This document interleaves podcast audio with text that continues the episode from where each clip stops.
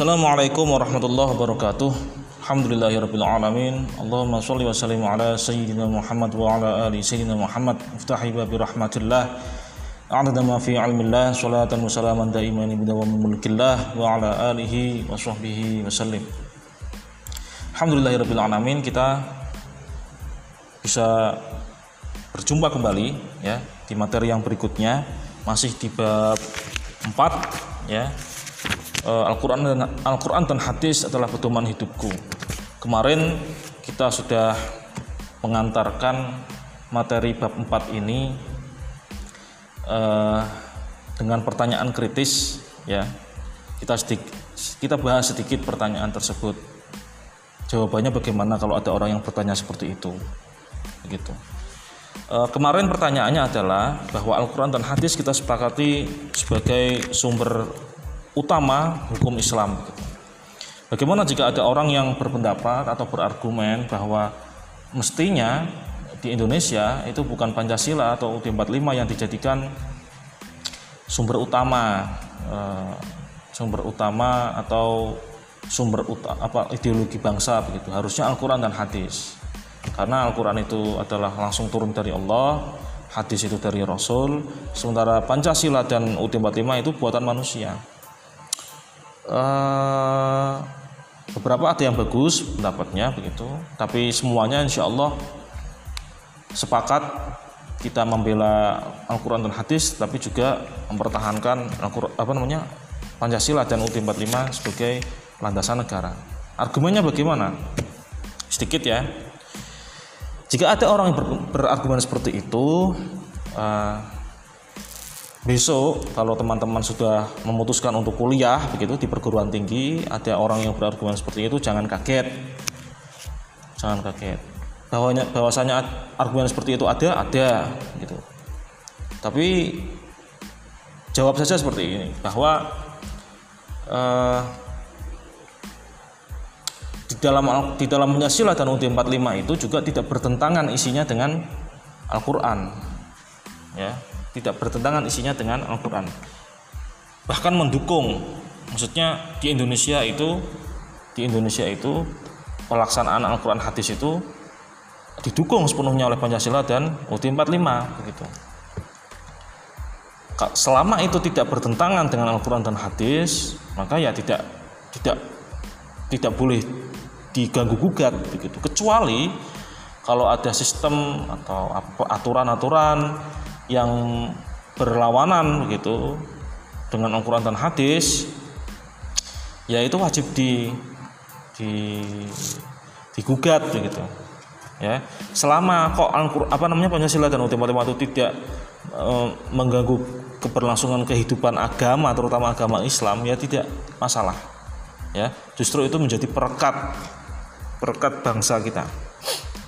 Kan nggak hanya umat Islam yang ada di Indonesia walaupun mayoritas dari mayoritas saja itu kan uh, bukan Islam kebanyakan apa, apa beberapa kan Islam yang abangan begitu ya yang proses belajar yang harus mengalami proses belajar tidak langsung taat betul pada Islam itu ya jadi kalau ada orang yang berpendapat seperti itu boleh saja asalkan kalian bisa berargumen balik selama Al-Quran dan eh selama Pancasila dan UUD 45 itu tidak bertentangan dengan ajaran Islam ya itu tidak masalah gitu.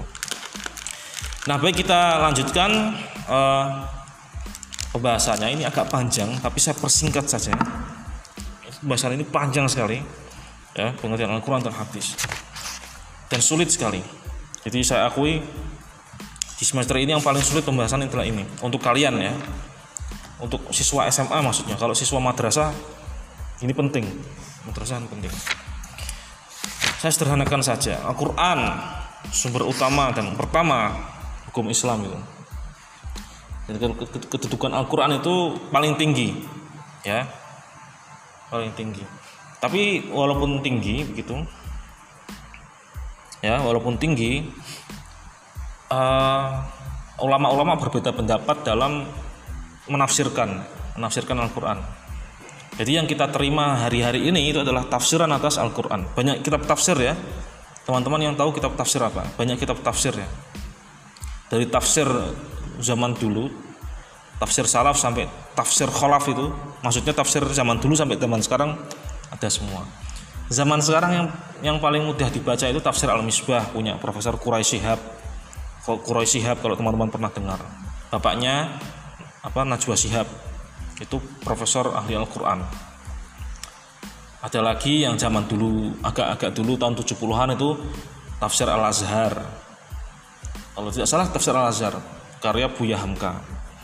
Yang dikaji di majelis-majelis taklim di pondok-pondok pesantren yang pakai bahasa Jawa tafsir Al-Ibris. Itu khas Jawa. Khas Jawa agak tinggi lagi eh, yang diajarkan di pondok-pondok pesantren juga tafsir Jalalain. Jalalain itu ditulis oleh dua ulama besar namanya Jalal semua makanya Jalalain. Atau tafsir banyak sekali lah pokoknya, banyak sekali banyak sekali. Nah, itu tafsir Pak, boleh nggak kita nafsirkan Al-Quran boleh asalkan syarat-syaratnya terpenuhi. Bisa bahasa Arab, nahwu sorof, ilmu balaghah, ilmu mantik, uh, ilmu fikih. Ma, masya Allah. Lah kalau itu sudah sudah apa namanya itu bisa ya monggo menafsirkan Al-Quran. Tapi itu berat, berat.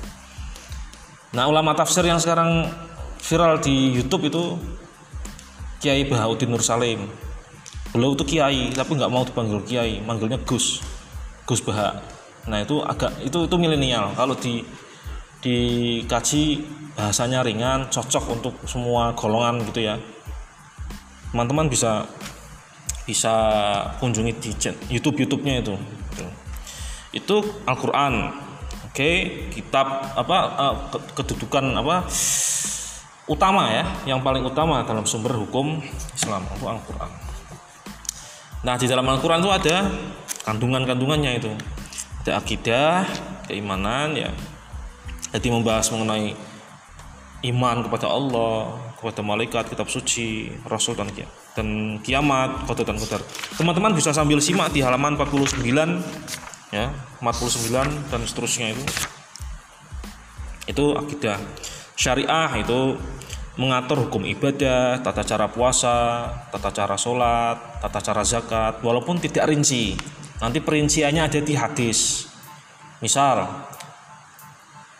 eh, dalam Al-Quran itu hanya me, memerintahkan kewajiban sholat dan zakat. Wa aqimus sholat wa ita'iz zakat. Tapi gimana caranya sholat itu diterangkan di dalam hadis.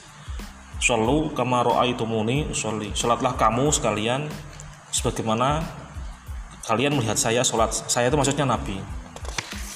Nah akhirnya berbeda-beda kan sholat itu. Ada yang takbirnya muter-muter gitu kan. Ada yang misal fatihahnya ada yang uh, dibaca dari bismillah. Bismillahirrahmanirrahim. Alhamdulillahirabbil alamin ada yang seperti itu. Ada yang langsung Alhamdulillahirabbil alamin ada yang seperti itu.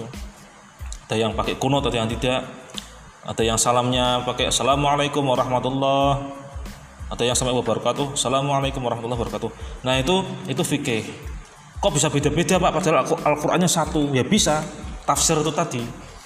Al-Qur'annya satu tapi tafsirannya bisa bermacam-macam. Itulah yang melahirkan banyak madhab dalam fikih madhab syafi'i. Ada empat ya yang masih digunakan ya madhab syafi'i hambali maliki dan uh, ya Allah Maliki dan Ibnu Taimiyah itu mantapnya apa ya? Ada empat yang masih digunakan hari ini. Nah ini agak saya persingkat saja, saya persingkat saja. Ini kalau bahas ini bisa banyak sekali. Jadi tadi ya syariah ibadah, hukum ibadah, hukum muamalah itu maksudnya fikih. Nah yang terakhir ada akhlak atau budi pekerti uh, akhlak atau budi pekerti. Di dalam Al-Quran paling tidak ada tiga itu. Tiga tema besar itu. Akidah, syariah, dan akhlak.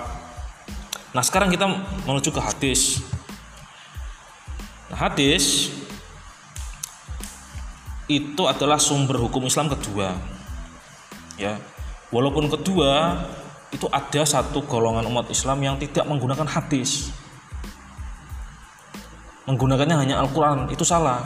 Gitu hadis dan Al-Quran itu harus digunakan dua-duanya. Jadi hadis itu wah banyak sekali nih hadis kalau bahas hadis itu. Ya tapi saya perkenal kenal kenalkan saja gitu. Kalau di madrasah oke. Okay. apalagi PJJ saat ini. Nah hadis ini itu mempunyai bagian-bagian. Ada yang namanya sanat, matan dan rawi. Ya. Itu halaman 52 silakan disimak. Sanat itu biasanya yang begini. An Abi Hurairah an Ibnu Mas'ud an uh, misal Ibnu Abbas misal an an an an itu. Itu sanat. An itu dari. Jadi kelompok orang atau seorang yang menyampaikan hadis ahdatana misal seperti itu saya mendengar dari ini, mendengar dari ini, mendengar dari ini, mendengar dari Rasulullah Wasallam nah, bahwasanya nah itu itu sanat. Nah matan itu isinya, isinya, isinya ya misal uh, uh,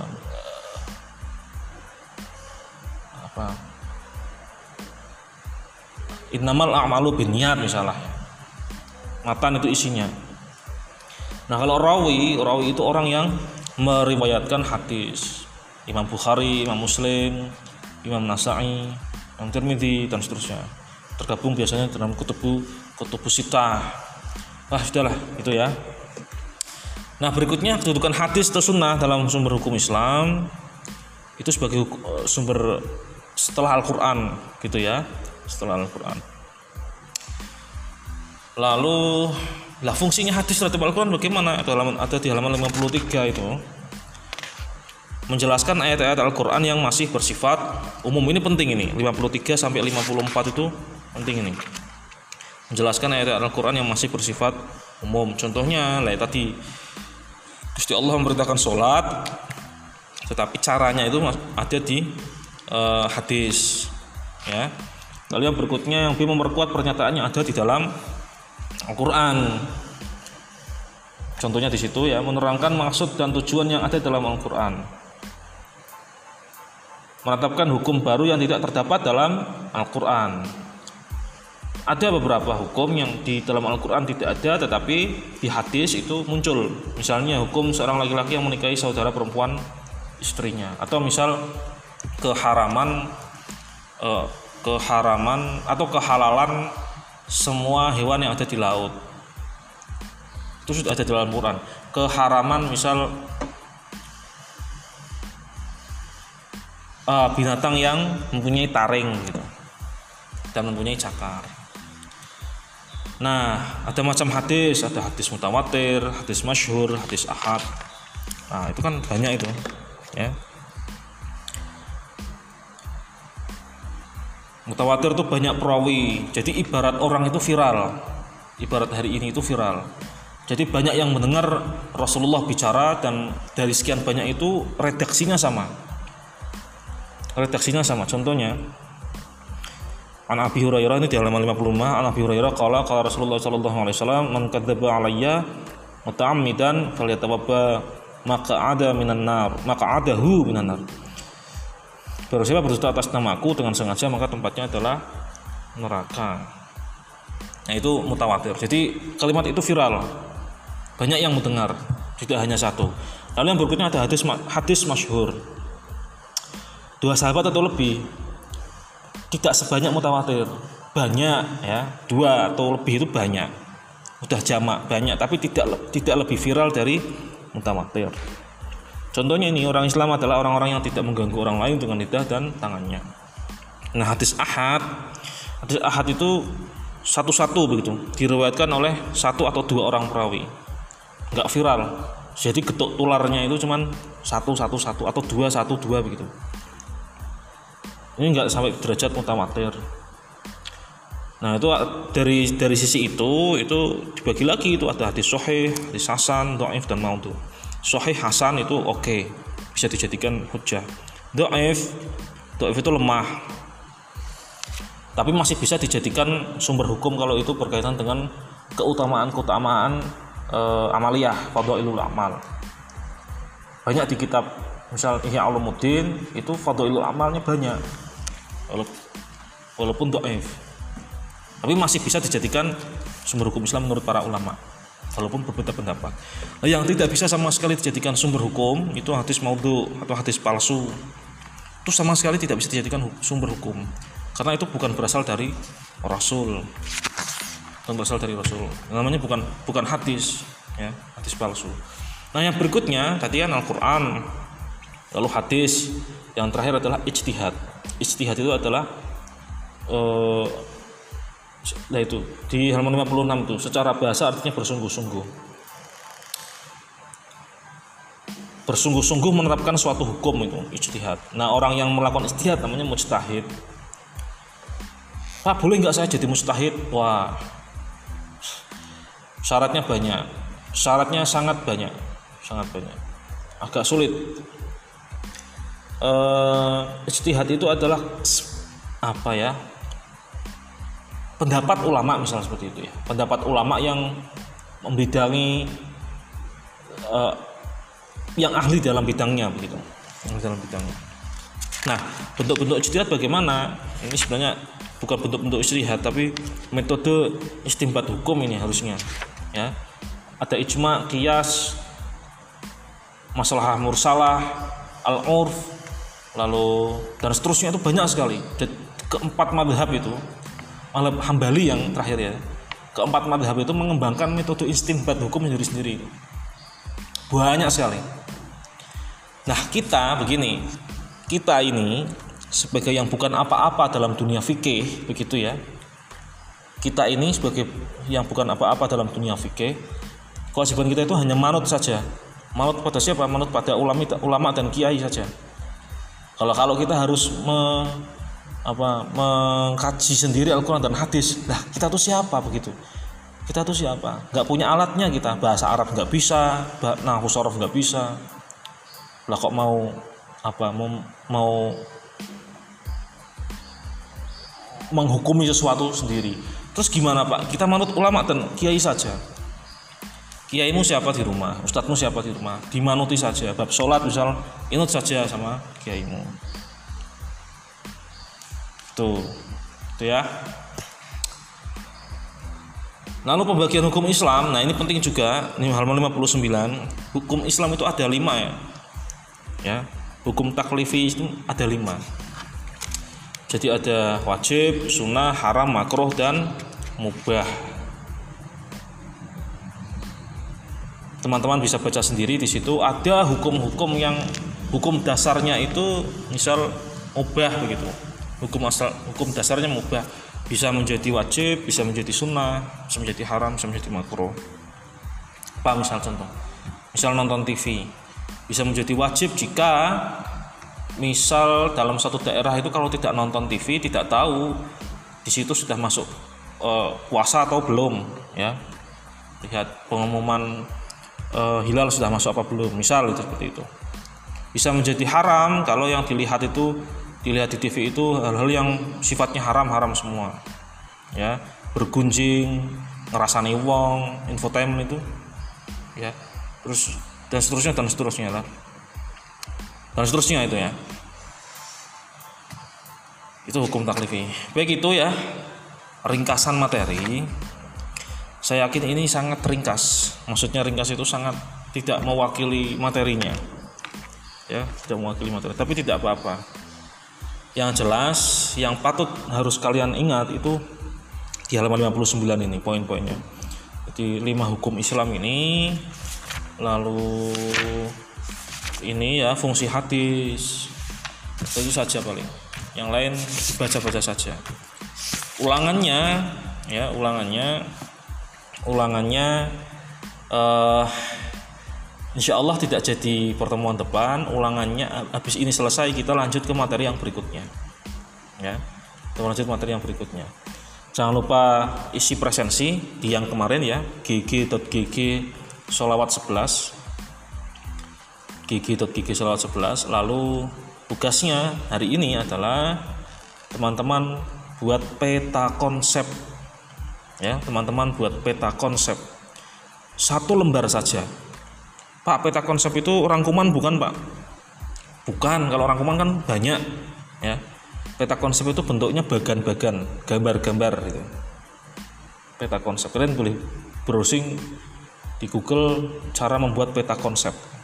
Kalian bisa uh, nurun buku ya buku paket lalu dibuat peta konsepnya. Satu lembar saja difoto lalu foto tersebut dikirimkan ke uh, form tugas di Google Classroom. Itu, saja. Uh, bisa saya sampaikan semoga bermanfaat. Ya semoga bermanfaat. Ya Allah semoga bermanfaat kita akhiri dengan bacaan hamdalah alhamdulillahirabbil alamin. Wallahul muwaffiq Assalamualaikum warahmatullahi wabarakatuh